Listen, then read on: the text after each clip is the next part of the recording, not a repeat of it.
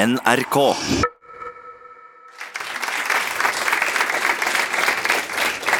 Velkommen til debatt her fra Studentersamfunnet i Trondheim.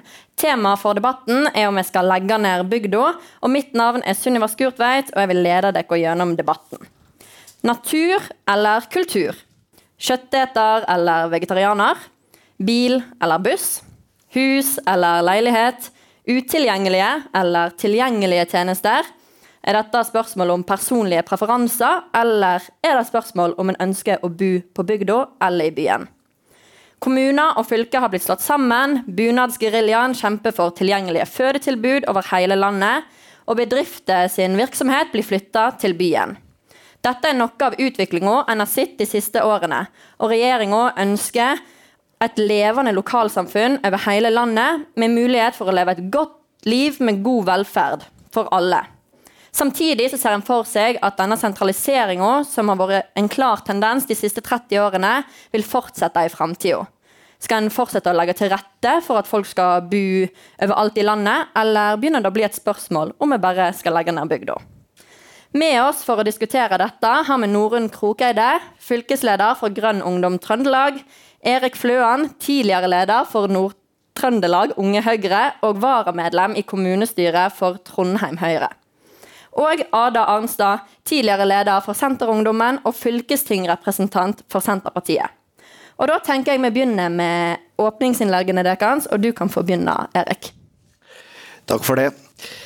Um, og tusen takk for invitasjonen. Det er gleder å se at så mange har interesse av å diskutere ikke bare distriktspolitikk, men uh, bygdas framtid mer allment. Min uh, inngang til dette temaet her er både som byborger, men også som bygdagutt. Ehm, jeg kom eh, til Trondheim som voksen, eh, i likhet med veldig mange som bor i Trondheim i dag. Eh, jeg kom hit som student, og jeg er oppvokst i et lite bygdesamfunn der min familie har drevet jordsbruk iallfall siden 1600-tallet. Så det er klart det er visse det er visse erfaringer vi har med oss, og det er visse følelser og sentiment vi har med oss. Ehm, jeg vil til uh, premisset for debatten hvorvidt sentralisering er ønska eller ikke, uh, utfordre det litt. Grann. Uh, fordi sentralisering er, sånn som jeg og Høyre ser det, mer en livsbetingelse, en realitet, enn det er en politikk som enten er ønska eller ikke ønska. Det er en følge av, en, av, at vi har gått fra å være et uh, vareproduserende samfunn over til å bli et tjenesteproduserende samfunn. Og det er en global megatrend som vi ser over hele verden. Med det sagt så er det klart at Norges rikdom og velstand er knytta til at vi har vært dyktige til å utnytte naturressurser eh, som finnes eh, stort sett ikke i byer. Ehm, byene har vært i stedet for ehm, plassen for omsetning av de her ressursene, men eh, utvinninga og foredlinga den har, eh, den har skjedd på bygda. Så mitt og Høyre sitt utgangspunkt er at det som får folk til å velge å bo på bygda, ikke bare personlige preferanser, men det er tilgjengelighet på arbeidsplasser, på økonomiske muligheter. Det er òg mulig å få til når vi går over til å bli en tjeneste- og kunnskapsøkonomi. Det handler om at infrastruktur eh, som veier, jernbane, flyplasser skal være tilgjengelig og bedre enn i dag. Eh, det handler om at eh, det digitale samfunn òg skal være like eh, stor del av livet på bygda som det er i byen. Så sentralisering er en realitet som vi er nødt til å forholde oss til på det ene eller andre viset. Og jeg er overbevist om at dersom vi fører en politikk som er i stand til å frigjøre den kreativiteten, den innovasjonen eh, og den kjærligheten til lokalsamfunnet som folk rundt omkring i det ganske land har, eh, så vil vi ha en politikk som får flere til å flytte på bygda. Og med det tror jeg vi må gi ordet videre til Norunn Krokeide for hennes åpningsinnlegg. Ja, jeg tenkte å starte å snakke litt om eh, noe av det som eh, i framtida kommer til å gjøre det utrygt, eller eh, ja, utrygt, mindre trygt å bo på bygda. Eh, jeg mener at en god politikk for distriktene eh, det handler ikke bare om å eh, gå imot eh, viktige tjenester for folk, men det handler også om å kutte utslipp. Jordrasene og flommen eh, den kommer ikke til å komme på Grünerløkka i Oslo, den kommer til å komme på bygda. Eh, allerede så er det mer ekstremvær i Norge, og det er en trussel både for folk, eh, lokalsamfunn og for landbruket. Og eh, når partier, slik som disse partiene, Høyre og Senterpartiet, somler i klimapolitikken, så får det konsekvenser for distriktene. Det gjør det mindre trygt, ikke bare i andre land, men i Norge, og spesielt på bygda. Og kanskje spesielt siden det er viktigst eh, for distriktene at vi fører en aktiv klimapolitikk og forhindrer eh, de skadene som klimaendringene kommer til å føre til, eh, så er det ganske oppsiktsvekkende at eh, f.eks. Senterpartiet eh, splitter klimadebatten, og at det ofte blir sett på som noe som er eh, forbeholdt byfolk. Eh, bygdene skal utvilsomt også være med på klimaomstillingen, selv om vi skal gjøre den på en helt annen måte der. Vi kan ikke heller tro at vi skal utsette klimaomstillingen der og si at vi ikke skal gjennomføre klimatiltak fordi det er vanskelig på bygda. Det er å gjøre dem en bjørnetjeneste, fordi klimaomstillingen må vi gjennom også der. Eh, og jeg tror også at eh, det grønne skiftet vil eh, bety mye for, for distriktene. At når vi skal omstille Norge fra en oljeøkonomi og flytte arbeidsplasser over i andre næringer og bygge opp andre næringer, så kan det føre til mye bra for distriktene. Eh, fordi vi er nødt til å basere oss i større grad på fornybare lokale ressurser. Og da må vi være rundt omkring i hele landet. Eh, så det tror jeg på. At en viktig del av klimaomstillingen blir å bygge opp næringer lokalt. Og da må vi selvfølgelig passe på at det er trygt, trygt for folk å bo på bygda, og at man har jobber og gode lokalsamfunn. Ja, og da Ada Arnstad. Ja, eh, Tusen eh, takk for invitasjonen til å komme hit. og Jeg merker at det blir en artig debatt, for jeg er uenig med veldig mye som er sagt allerede. Eh, først og fremst vil jeg jo begynne med hva er kjernen i Senterpartiet sin mening i denne saken. og det er jo rett og slett det at Vi mener at Uansett hvor du kommer fra, uansett hvilken bakgrunn du har, eller hva foreldrene dine tjener, hvilken legning du har, eller hvilken religion du tror på, så skal du ha gode muligheter i samfunnet vårt. Og det er ikke bare et gode for individet i samfunnet, det er et gode for samfunnet som helhet. Fordi hvis vi ser på oss som land, med lite folk og stort areal, hvordan klarte vi egentlig å komme dit at vi er et av de rikeste landene i verden? Og at den rikdommen den er ikke konsentrert hos noen få, den er fordelt utover. Det er et par ting vi har dyrka på veien der. Og Det ene er mye kunnskap. Og Det henger også sammen med nummer to, som er små forskjeller. Fordi De små forskjellene gjør at uansett bakgrunn, så får du en mulighet til å utvikle dine ideer og din kunnskap. Noe som er med på å bygge hele landet vårt. Og så er det det tredje som veldig mange tenker på, og det er naturressursene våre. Og naturlig nok, i et land med så stort areal som vårt, så er det sånn naturressursene de er fordelt utover. Og Da er det et gode at folk bor over hele landet. Fordi Når folk bor nært naturressursene, som en av våre viktige ingredienser for å ha suksess og for å få til å eksportere, annet, så trenger vi deres engasjement og den lokalkunnskapen de sitter på. Og Da må vi ha folk til stede der naturressursene er. Men så for å ta litt blikket framover òg. Eh, så er det klart Vi er på vei inn i en veldig vanskelig og krevende tid som land. Fordi vi er veldig avhengig av olje, sånn som det er i dag. Både eksporten av olje, hvor mye olje vi får inn på statsbudsjettet, altså oljepenger, eh, osv. Det betyr at vi må skape mange nye arbeidsplasser, og vi må skape nye inntektskilder. Da er det som vi i Senterpartiet tror, er jo at de her naturressursene de blir enda viktigere enn det de var før. Vi er helt avhengige av folk rundt om i landet som starter nye bedrifter. Og for å ta et eksempel, Det er en kommune på Helgeland som heter Sømna. Det er 2000 innbyggere. De har en bedrift som heter Plastsveis. Plastsveis de driver da altså sveiser litt plast og ting. Eh, veldig vanskelig, som jeg ikke skjønner med det samfunnsfaglige hjernen min. Men i hvert fall, de konkurrerer internasjonalt. De eksporterer og konkurrerer ut Kina på kvalitet. Dette er en liten norsk kommune, og det de er bekymra for, det er ikke private investeringer eller skatteregler. Det er det faktum at politiet ikke lenger er der. De vet ikke om politiet kommer når det er innbrudd. Det er realiteten med sentralisering. Det at folk går rundt og er redd for at politiet ikke skal komme, at ambulansen ikke kommer. Og det rammer like mye den enkelte, familier, lokalsamfunn, som det rammer næringslivet. Og den, de arbeidsplassene som vi trenger hvis vi skal klare oss i framtida. Så det var bare en eh, smakebit, så skal jeg runde av. Men jeg vil jo si at jeg mener bygda har en veldig lys framtid. Men det krever også en aktiv politikk der vi faktisk dyrker opp om nye arbeidsplasser, nye næringer og ny industri. Eh, for å forberede oss på den tida vi er på vei inn i.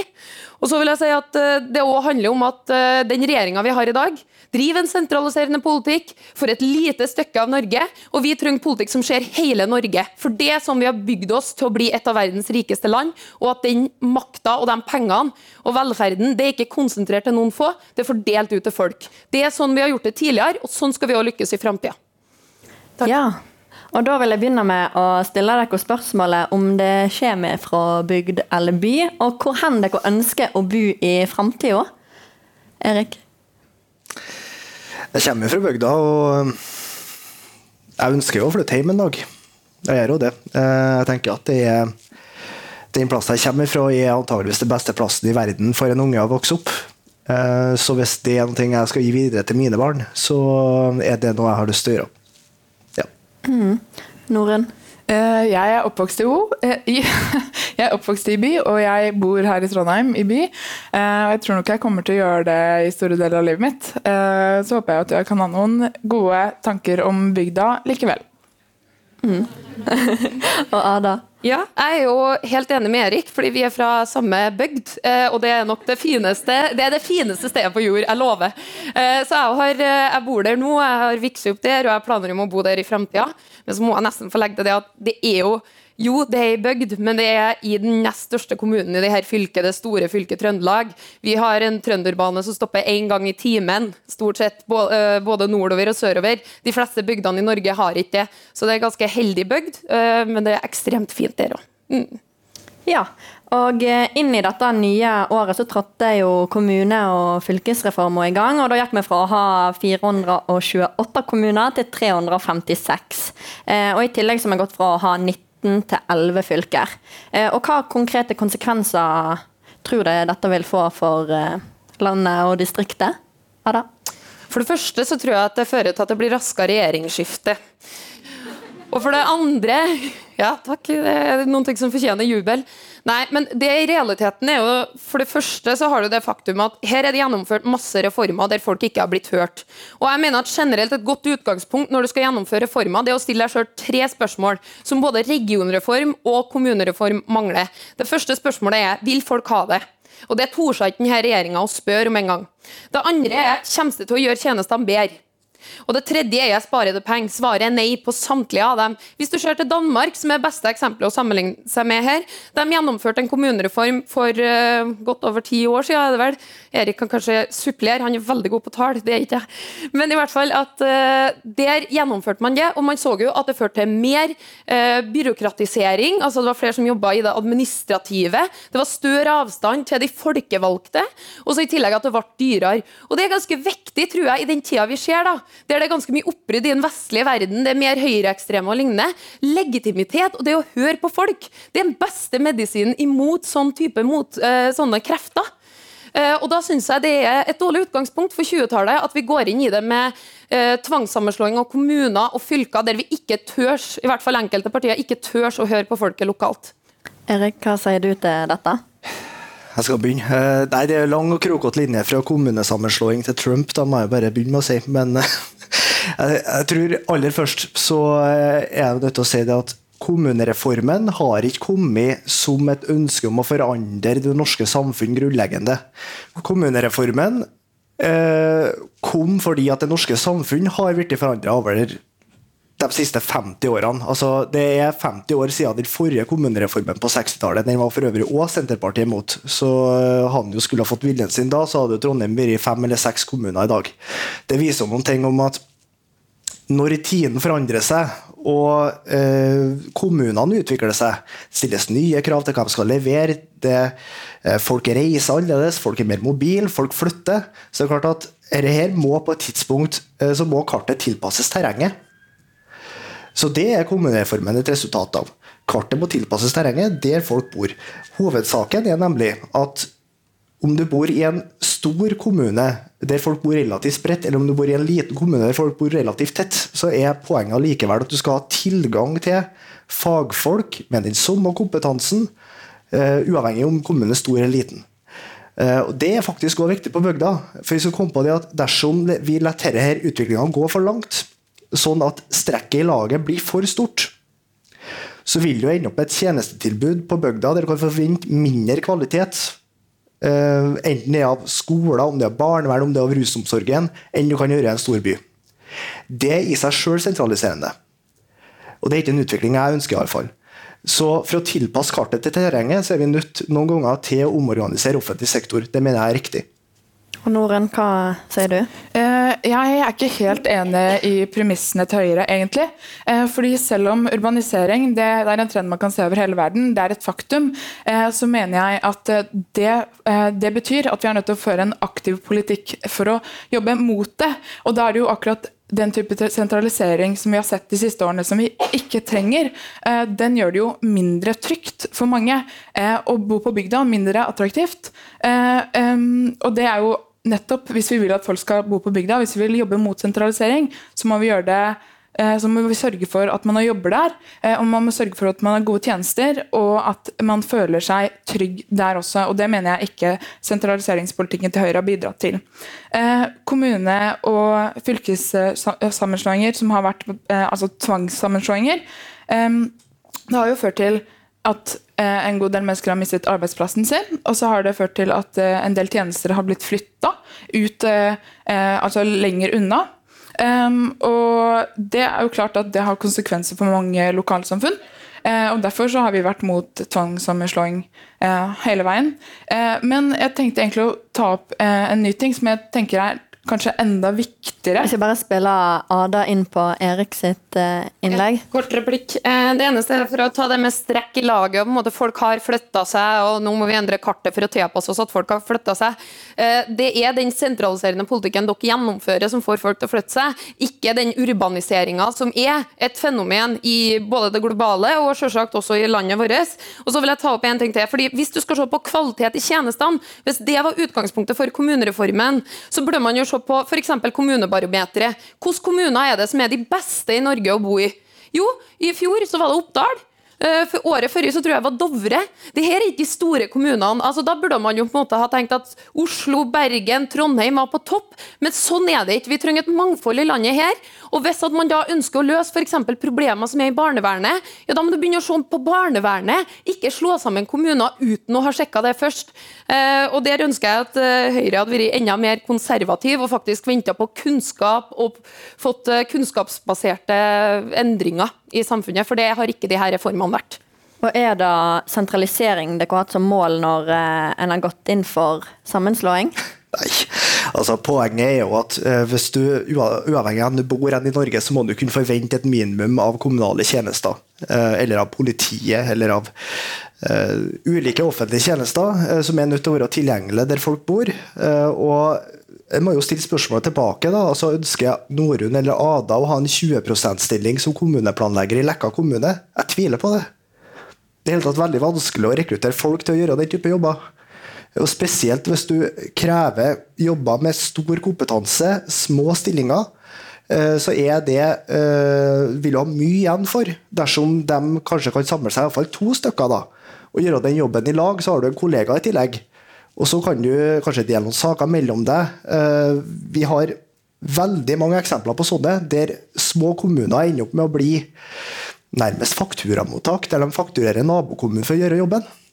Det er ikke godt lokaldemokrati, og det er heller ikke veldig bra for de kommunale tjenestene. Så jeg er overbevist om at her er en nødt til å tilpasse kartet til, til terrenget. Og Norun, du har en kommentar?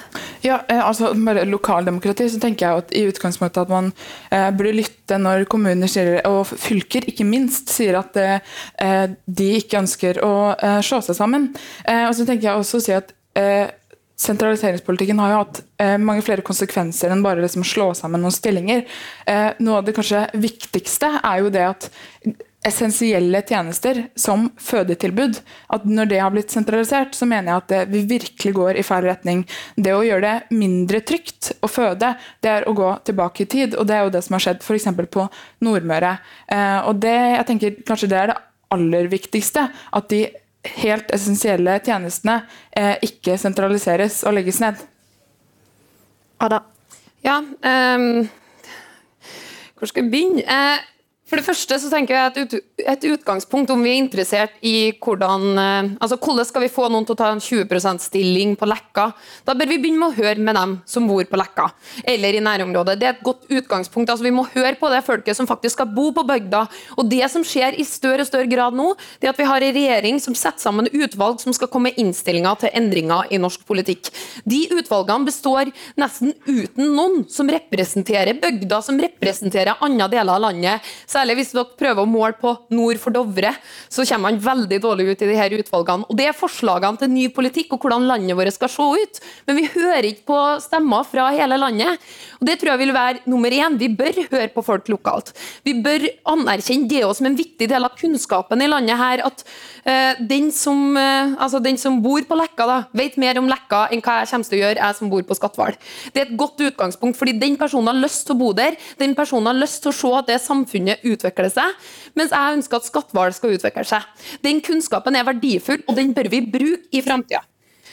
Men nå eh, var jo dette vedtatt i Stortinget, og kanskje det blir et problem for eh, demokratiet hvis upopulære ting må på folkeavstemning, når en gjerne kalle det som blir vedtatt i Stortinget for demokratisk? Ada? Ja, nei, Der skjer den det klassiske argumentet vi blir møtt med. og på en måte Skal vi ha folkeavstemninger om alt mulig og begynne å bli som Sveits?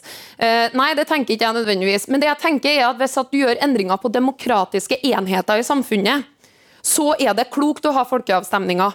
Og Risikoen ellers er jo det faktum at kommuner Eh, som jo, de er, de er, kanskje mindre, det er kanskje 2000 som bor der, men de er de som har lyst til å bo der. Hvorfor skal vi komme ovenfra og fortelle dere at nei, dere har ikke skjønt det, det er vist, eh, dere har visst ikke helt peiling på dette, dere, nå må vi gjøre om. Sånn bygger vi ikke gode samfunn, og sånn bygger vi heller ikke legitimitet til politikken. Så ja, vi skal ikke ha folkeavstemninger i uh, hust og flust og overalt, men vi bør ha det når det er snakk om endring av demokratiske enheter, fordi det er grunnprinsippet i demokratiet vårt. Ja, og Erik, er ikke fjorårets kommune- og fylkestingvalg med Senterpartiet høye, sin høye oppslutning òg og bevis på at folket gjerne eh, ikke har lyst på denne kommunesammenslåinga, eller en politikk som går for hele landet, da, og da spesielt bygdene? Altså, De aller aller fleste av de kommunesammenslåingene vi har hatt nå, kommune- og fylkessammenslåingene, må jeg understreke, eh, har vært frivillig gjennomført. Det er et lite lite antall som har vært tatt gjennom Stortinget, som følge av at en lokalt ikke har blitt enige om helt opplagte sammenslåinger som har ligget på vent i 20-30 år. Det er en realitet. Eh, så der har da Stortinget på et tidspunkt valgt å skjære igjennom og si at her er det antageligvis nødvendig å, å gjøre noen ting, fordi at en lokalt av ulike grunner som hvor rådhuset skal ligge igjen, og ting som er av langt mindre betydning for å si det sånn for innbyggerne, eh, har fått styr for mye. Men i de aller, aller fleste tilfeller så er dette noe kommunene ønsker sjøl.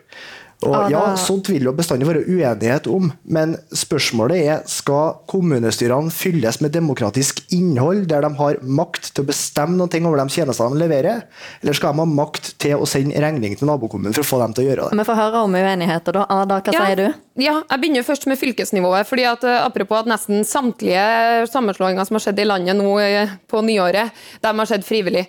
På fylkessammenslåinger så er det vel ingen som er frivillig, bortsett fra Agder og Trøndelag. Det er to av eh, de sammenslåingene som er. Det er ganske mange som har skjedd uten at du har hørt på folk gjennom folkeavstemning, eller gjennom at du faktisk har fylkestingsvedtak på det.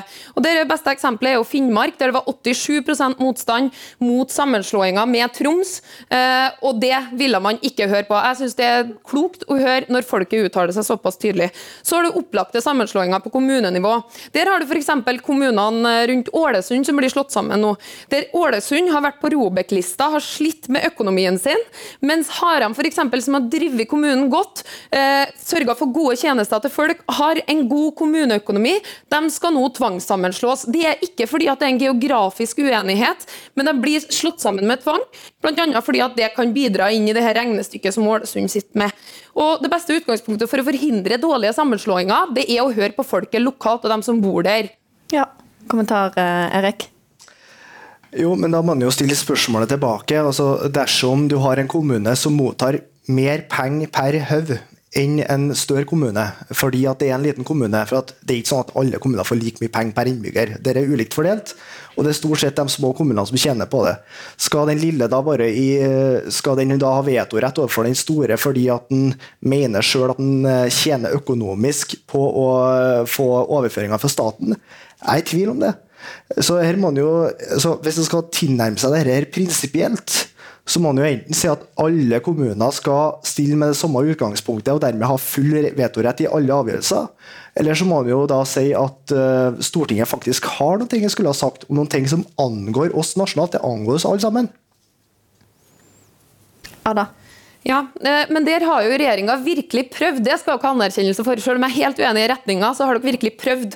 Fordi man har jo stramma inn på overføringene og sørga for at kommuner som ikke slo seg sammen nå på nyttår, eh, at de skulle straffes økonomisk. At kommuner som f.eks. Inderøya da, de sitter med et eh, budsjett som er veldig vanskelig å få til å gå opp, kommunebudsjettet sitt. Ikke fordi at de har gjort noe galt, ikke fordi at de har drevet uansvarlig, men fordi de sier at folket lokalt her vil ikke ha en sammenslåing. Vi tror ikke det er det beste for kommunen, og da skal de få straff.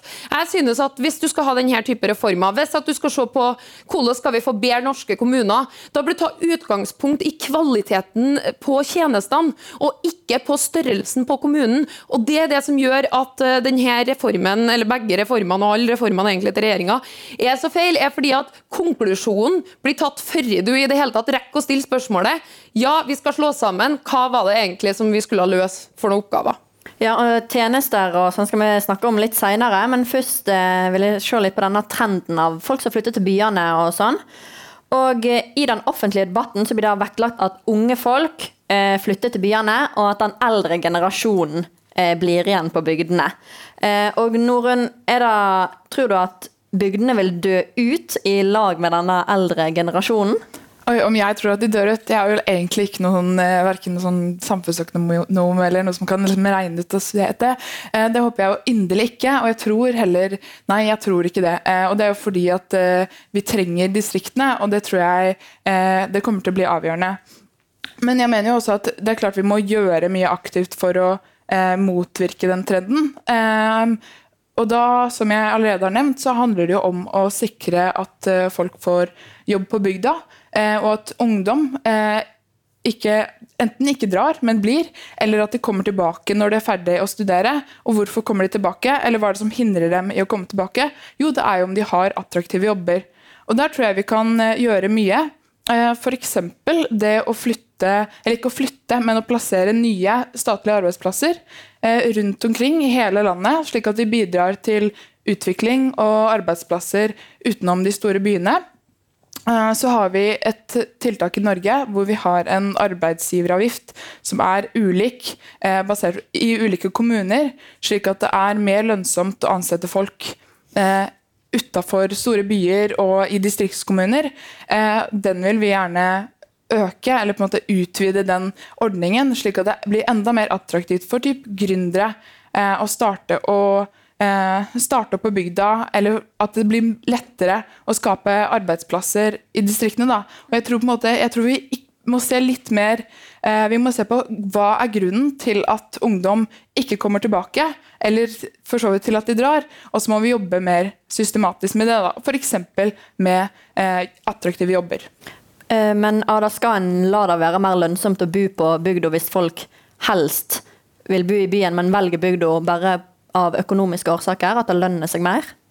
Jeg tror jo først og fremst så er det på en måte det individuelle valget er det beste utgangspunktet. At alle sammen får lov til å uh, velge hvor de vil bo. På, altså, noen vil bo i by, noen vil bo på bygda, noen vil hjem igjen, noen vil ut i verden. Den variasjonen er god, det er bra, men jeg mener at vi som samfunn, når vi ser at vi har såpass mye å tjene på at folk er bosatt i hele landet, fordi vi er ja, et lite land i folketall, men vi er et stort land i areal og territorie.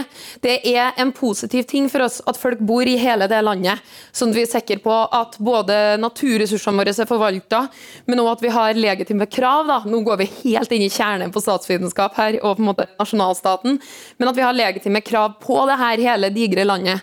Eh, og så tror jeg at eh, da bør vi som samfunn legge til rette for det.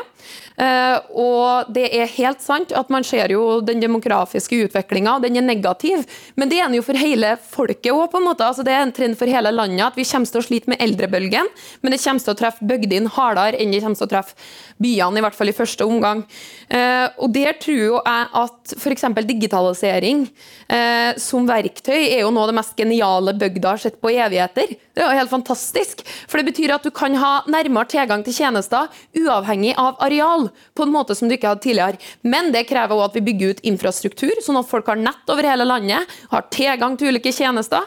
Eh, og så i tillegg, gjør, altså, Jeg kjenner veldig få småbarnsfamilier eller par som ønsker å starte en familie, da, som har sykt lyst til å flytte til en plass der det er langt til fødeavdelinga eller der fødeavdelinga nettopp har blitt lagt ned. Og det er på en måte, Vi kan ikke, eh, som flere har tatt opp i samfunnsdebatten nylig, vi kan ikke oppfordre til at nordmenn skal begynne å få flere barn, hvis at det å få barn ikke blir gjort så bra som mulig. Og En av de tingene handler om eh, de ordningene vi har sosialt, om foreldrepermisjon og sånn. Men det handler òg om at vi kan ta bukk over arealet i dette landet. og Det betyr at du må ha fødeavdelinger som er innen en viss avstand, og som gjør at det er trygt å føde i hele landet vårt. For sånn som det er nå, og det blir det siste jeg sier, eh, så er det jo faktisk sånn at kvinner fer på nedlagte fødeavdelinger og føder der, med sykepleiere eller leger som har tilknytta den avdelingen som en gang sto der. Og Sånn kan ikke vi ha det i landet her. Det viser at uh, på en måte du kan hoppe bukk over arealet i landet her, og heller ikke over biologien i mennesker.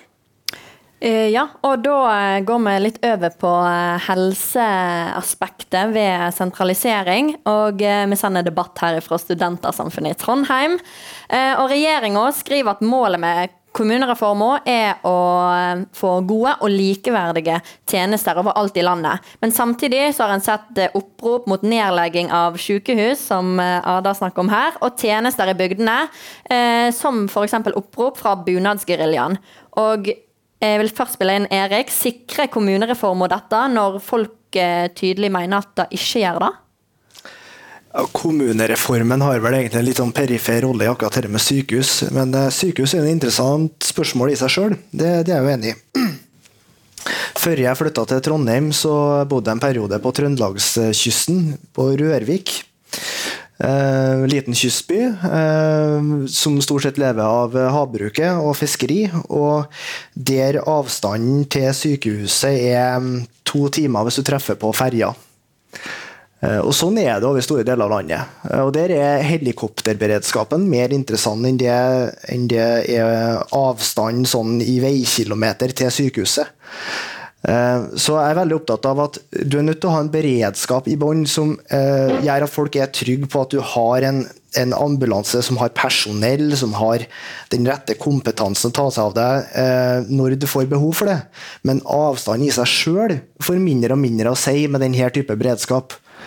Eh, så utpå der for eksempel, så hadde vi en fødestue fram til 80-tallet. Den ble lagt ned eh, etter ønske fra innbyggerne sjøl fordi at kvaliteten var for dårlig.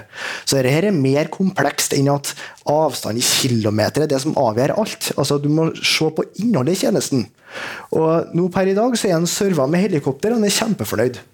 Og Ada, Er ikke det viktig å sentralisere sykehus når det ofte krever en viss størrelse og antall leger for å kunne drive godt med kompetanse? Eh, og når en ser på for eksempel, eksempel fra Førde, eh, der de bryter nasjonale anbefalinger om hvor mange operasjoner per eh, kirurg og sånn. Ja, altså der er det jo Uansett om du driver i by eller bygd, så kan du ikke drive uforsvarlig og på en måte si at nei, men nei, vi er et lite sykehus, vi er et stort sykehus, og det er derfor det er sånn. Men du kommer til å finne variasjon i sykehusene i Norge på om de er gode, på en måte de store og de små. Der er det store variasjoner.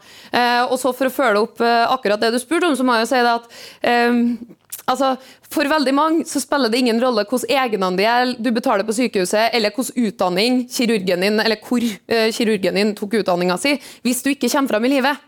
Og det er en del av hvordan land vi er. Altså Areal har noen ting å si, og ja, jeg er enig i at det har mindre å si, men når vi ser den utviklinga vi gjør nå, så ser vi jo at areal blir ikke tatt nok hensyn til. og Det betyr at noen lever mer utrygt i det hele landet enn andre. Og vi er villige til å akseptere større avstander for enkelte deler av landet enn for andre. På en sånn måte som er, altså, eh, Hva var det eksempelet med at uh, det er folk her i landet som må kjøre like langt som mellom Oslo og uh, Otta?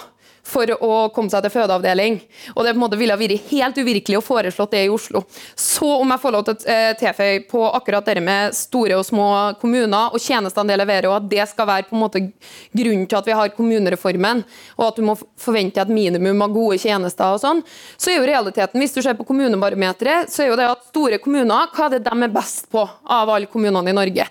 Jo, det er bibliotek og kollektivtilbud. Det er det de er bedre på enn små og mellomstore kommuner. Mens det små kommuner er bedre på enn mellomstore og store kommuner i Norge, det er jo de grunnleggende omsorgstjenestene. Akkurat det som er viktig for folk. Altså, og da må jeg spille inn ja. Erik eh, sin kommentar her. Ja, først må man jo spørre Hvis en er så opptatt av uh, avstanden i kilometer til dette fødetilbudet, og at det betyr alt, så må jeg jo spørre har det blitt lagt ned flere fødeavdelinger under denne regjeringa enn under da Senterpartiet sist satt i regjering? Ada vet svaret. Det er ikke det. Lagt ned langt flere da. Ada. Så det er noe med at uh, Senterpartiet er ikke troverdig. Altså, dere roper høyt opp. Kommer dere i regjering, så står dere for en annen politikk. Så da er jo spørsmålet er det fordi at dere egentlig ikke mener det, eller har dere evne til å gjennomføre det dere står for? Nei, For å begynne med avstand i kilometer. altså det er helt sant. Hvis jeg sitter og ser på et kart, så ser ikke jeg problemene nødvendigvis med å legge opp en strekning og hvor langt det er imellom. Men hvis du ligger i en ambulanse og føder og kjører på den veien, så merker du plutselig hvor, kilo, altså hvor lang tid det tar å passere de kilometerne. Og det er viktig å ha med seg. Det andre er, altså jeg vil jo si at det er en underlig påstand å komme med, at vi ikke har troverdighet i dette. Jeg synes jo valgresultatet de siste årene viser bl.a. at det her er ikke Og det er ikke fordi at Senterpartiet nødvendigvis altså en ting er at Vi har vokst oss større, men det er jo basert på den politikken vi har. og det at Vi ønsker å utvikle hele landet. Det er det som har fått tilslutning hos det norske folk i større og større grad. Og ja, jo større vi er, jo mer kommer vi til å kjempe for det i regjering. Ja, og jeg tror eh, dessverre vi må eh, gå videre. Eh, og Norun, du nevnte at jordras og flom gjør det farligere og mer ja, å bo på bygda, da, risikofylt, enn i byene. Og eh, det genererer òg mer transport og av varer og folk som skal til jobb og skole. Og eh, vil det ikke da være en løsning å bare flytte alle fra bygdene til byene når det er mer risikofullt, det er mer miljøfiendtlig? Eh, nei, det tror jeg ikke. Eh, jeg tror vi skal passe oss for å se på bygda og distriktene som et eh, klimaproblem. Eh, det, ja, da må vi heller tenke annerledes om hvordan vi skal eh, gjennomføre klimakutt der. Eh, og jeg tror at det at det at kanskje det, kanskje det er litt mindre oppmerksomhet rundt hvordan man kan gjennomføre eh, klimakutt eh, en del steder i distriktene i byen, så at vi ikke på en måte snakker nok om det. Men det er ingen tvil om at det, det helt fint går an å kutte utslipp i distriktene også. Vi må bare tenke litt annerledes. Eh, da kan man jo for eksempel, men, altså, men vi må ta hensyn til at en del ting er vanskeligere. Eh, da kan man jo f.eks. Eh, vi i MDG vil jo ha en sånn eh, avgift på en del eh, klimafiendtlige eh, ting som vi vil ha mindre av. F.eks. Liksom bensin- og flyreiser. Så da gjør man det, og så får man hele landet til å fly mindre og eh, får utslippene ned. Men så gjør man litt, litt, mer unntak for distriktene og gir dem mer tilbake. Hvis man gir tilbake den avgiften, så gir du dobbelt så mye til distriktene. Nettopp fordi man må ta hensyn til at det er en del ting som er vanskeligere. Ja, og Senterpartiet Senterpartiet vil jo satse mer på miljø i bygdene. Men hvordan skal en få til å gjennomføre disse klimakuttene på bygda? Noen er nødt til å fly, og osv. Ja, og der tror jeg jo at det gir oss nok en gang et slags fortrinn i Norge. da. Eh, det, den sammensetninga vi har, lite folk, stort areal. Hvordan håndterer vi en del av de utfordringene som samfunnet står overfor og verden står overfor? Eh, og med det så mener jeg at Hvis vi klarer å løse en del sånne utfordringer, f.eks. hvordan skal vi fordi Det vil være mer forurensende veldig mange plasser i Norge å sette inn kollektivtransport enn at folk kjører bil. Fordi du vil få busser som kjører uten folk i, f.eks. på store avstander. Eh, og Da må vi prøve å løse de utfordringene, og de løsningene kan også tas i bruk i andre deler av verden, sånn som vi har gjort med elbiler. Det store med elbiler er jo ikke hvor mange vi har av dem i Norge, men det er at vi har vært med på å sørge for at den teknologien blir billigere, og dermed at enda flere land kan bruke det, og de kan bruke det tidligere enn de ellers ville ha gjort. Uh, og der ser vi jo at Nå gjør man det samme på større fartøy, uh, enten det er til sjøs eller det er på en måte uh, andre deler av det som kommuner og fylkeskommuner har. da, I det offentlige og tjenester man bruker, så kan man komme, si at man ønsker de nye løsningene, grønne løsninger, og være villig til å betale ekstra for det, fordi da vet vi at den teknologien kommer til å utvikle seg fortere. Eh, og Der er det jo en utfordring at eh, dagens kommuner og fylker har veldig stramme budsjetter. hvert fall Det, eller det regjeringa gjør på kommuneøkonomi og fylkesøkonomi, er jo på mange måter det samme som de gjør med personens, eh, altså personers og folkets skatter og fordeling av det. Altså De som har mye fra før, ja, de får mer. De som har lite, de får mindre. Det er utviklinga også for kommuner og fylker. og Det gjør at kommuner og fylker som ønsker å gjøre klimainvesteringer og ønsker å ta i bruk nye løsninger, de sliter med det. Derfor vil det være en av altså, Norske kommuner ønsker å gjøre grep for å kutte klimagassutslippene, og de vet best lokalt hvordan det er mulig å gjøre det på en billig måte. Men per i dag så sliter de med såpass, eh, såpass dårlig økonomi, i tillegg til at eh, du får flere og flere oppgaver men du får ikke finansieringen til å gjennomføre de oppgavene. Og du får påbud om f.eks. lærernorm, som da fører til at du må ansette flere lærere hvis ikke begår du et lovbrudd, når det i realiteten betyr at du må flytte penger fra ting som lokalt er viktig. Så vi kan klare å gjøre bygdene like klimavennlige som byene, så lenge en får nok penger til det? Du kommer til å gjøre det på veldig forskjellige måter, men jeg tror at det er et av fortrinnene. At vi kommer til å gjøre det på forskjellige måter og ta i bruk forskjellige teknologier. For da kommer vi i mål, og vi kan hjelpe resten av verden med å ha råd til det samme. Norun? Ja, eh, eh, nei, eh, jeg mener jo virkelig ikke at det på en måte er kommunebudsjettene som gjør at det går treigt med klimapolitikk i Norge i dag, og verken i bygd eller by. Det er jo heller det at man sier nei takk til alle de klimatiltakene man har, og man vet at funker. og Det gjør jo begge, eh, begge dere partiene. Eh, og det er en del eh, Selvfølgelig, vi skal, ha, vi skal, finne ulike løsninger i bygd og by, men det er jo på en måte Det er jo likevel liksom Jeg mener jo virkelig at det er Gjennomføringsviljen er jo eh, på en måte er jo løs, hva skal jeg si, er helt essensiell eh, begge steder.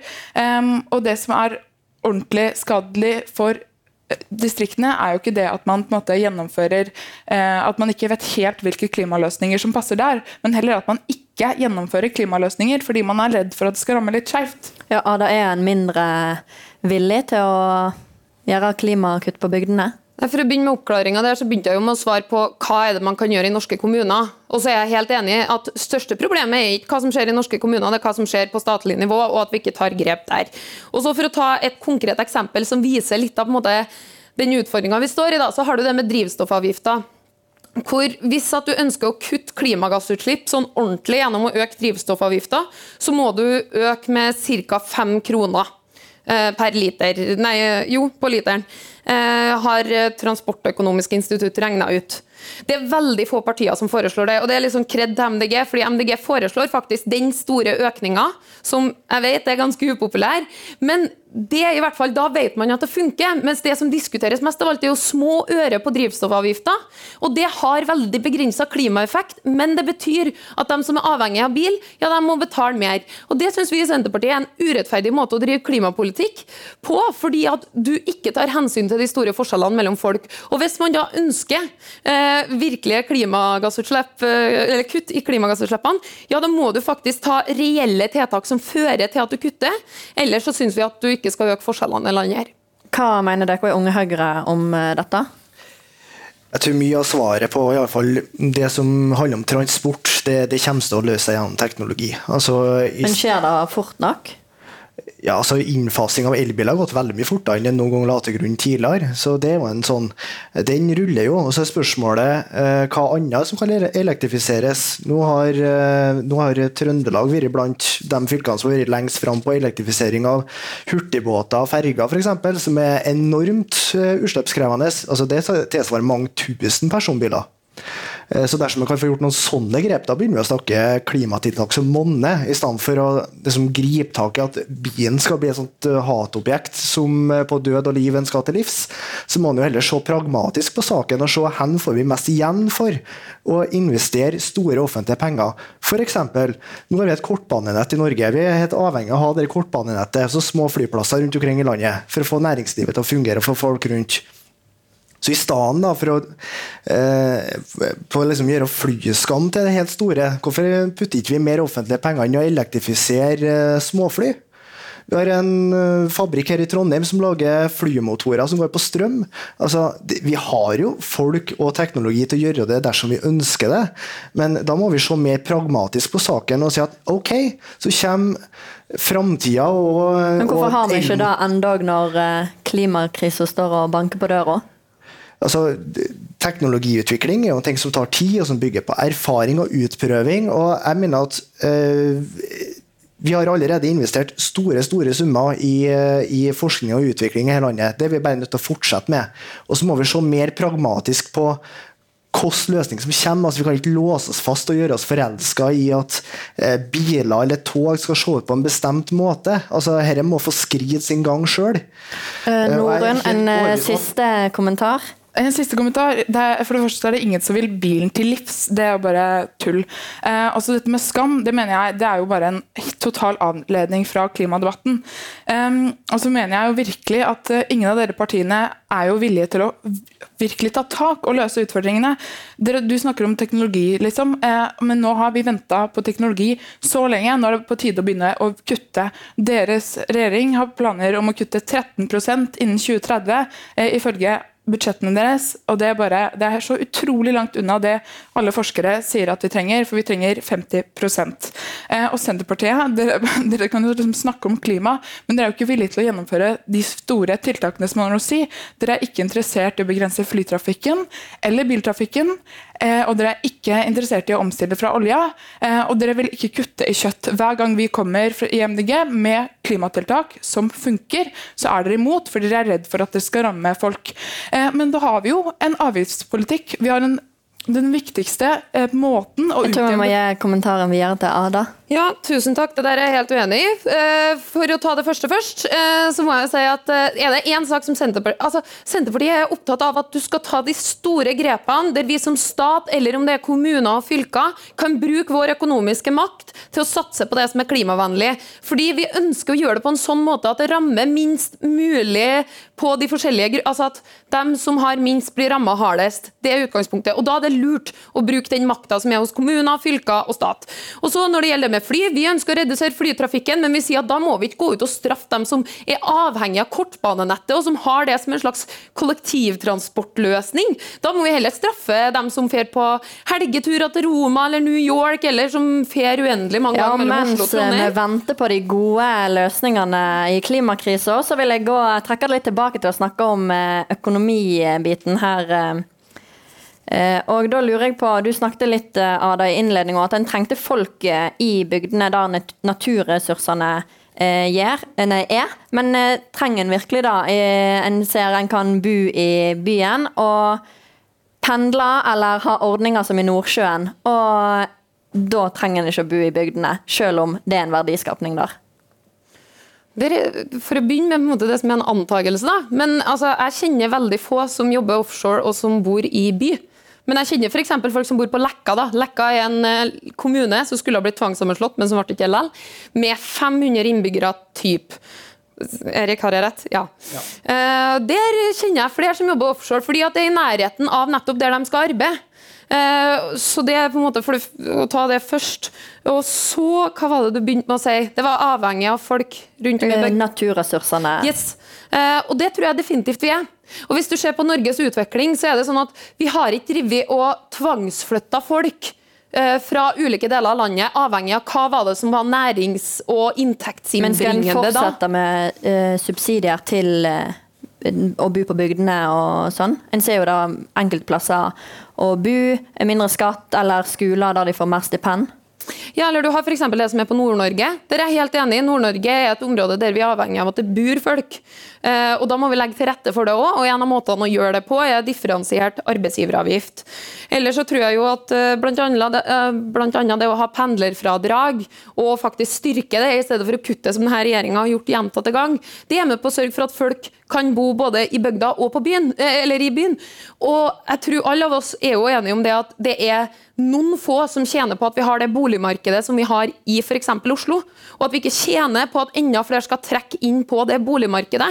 Så vi er helt avhengig både ut fra et næringsperspektiv å være nær naturressursene og utvinne dem, men i tillegg ut fra et sånn demografisk perspektiv så er det ekstremt usunt å ha sånne boligmarkeder som vi har i Oslo nå.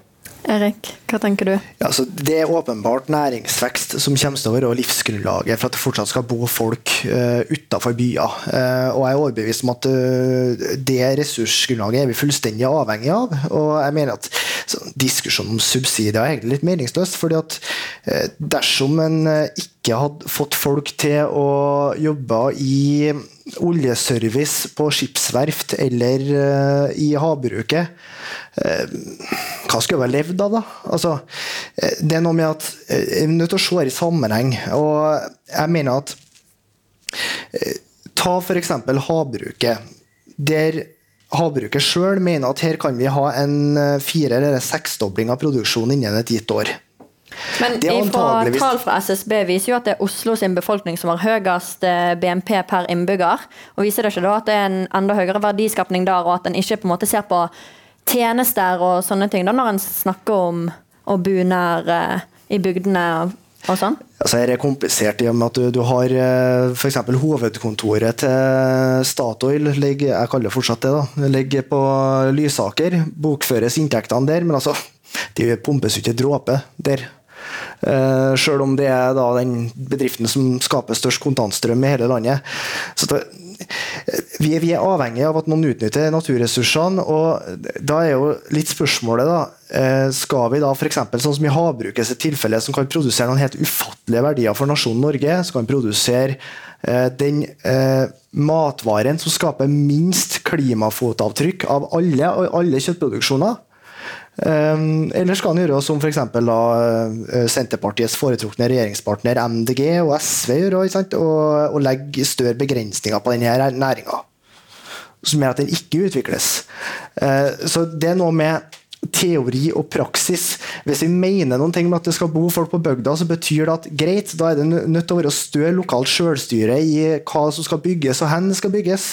Det må være større lokalt selvstyre i å eh, gi konsesjoner til, eh, til, nye oppdrettsmerder. Og det må være større eh, råderett for bonden til å styre sin egen jord. Alt dette i sum eh, betyr noen fantastiske muligheter for Distrikts-Norge. Det er jeg overbevist om. Ja, eh, eh, altså Vi i MDG tror jo eh, at eh, havnæringene og kystnæringene blir viktige i framtida. Eh, men Oppdrettsnæringa er en næring for framtida, men det betyr jo ikke at man bare kan ignorere det faktum at det er kjempestore utfordringer og problemer i den næringa. Og de tror vi kan løses, men da må man jo faktisk eh, sette krav om at nei, da skal vi ikke ha lus eh, og rømming, og da skal vi ikke ha masse utslipp, og da skal ikke den laksen flys til Kina, liksom. Det er jo bare Vi ønsker også oss en oppdrettsnæring, men den er veldig mye mer bærekraftig enn den som dere ser for dere. Ada. Ja, veldig kort. Eh, fornuftig forvaltning pleier å løse det meste. og det at man tar, altså, bruker kunnskapen man har om naturressurser, og det at man ønsker utvikling, men selvsagt ut fra nettopp kunnskapen om at eh, alt må skje med bærekraft. Det vi produserer, det vi lager, det skal gis videre til neste generasjon. Og så kort, fordi det kom jo et lite angrep der på at vår foretrukne regjeringspartner er MDG. For det første, MDG er en av partiene vi har uteslutta, sammen med Frp og Rødt, som regjeringspartnere. Og så når det gjelder med å høre på folk lokalt for å utvikle det lokale næringslivet og få til nye arbeidsplasser, det eneste regjeringa her med Høyre og Frp i spissen har bedt om en lokal mening på, det er hvorvidt vi skal ha sommertid og vintertid i Norge. Man vil ikke engang la folk stemme over om de skal ha sin egen kommune i framtida. Vil jeg stille dere et siste spørsmål, og da trenger jeg at dere svarer ganske kort. Um, og da er dere kanskje fått et nytt syn på det, eller ikke. Eh, skal vi legge ned bygda, og kort, hvorfor ikke? Eller hvorfor? Erik først. Selvfølgelig ikke, fordi at by og bygd er avhengig av hverandre. Ja, Norun? Eh, nei, det skal vi ikke. Eh, fordi folk trives på bygda, og vi trenger distriktene i framtida. Ada? Nei, definitivt ikke. Fordi vi skal løfte hele folket og hele landet. Ja, og med det så er vi nødt til å runde av her fra Studentersamfunnet i Trondheim. Tusen takk til Norunn Krokeide, fylkesrepresentant for Grønn Ungdom. Erik Fløan, varamedlem i kommunestyret for Trondheim Høyre. Og Ada Arnstad, tidligere leder for Senterungdommen og fylkestingrepresentant for Senterpartiet. Mitt navn er Sunniva Skurtveit, og jeg vil med dette takke for i kveld.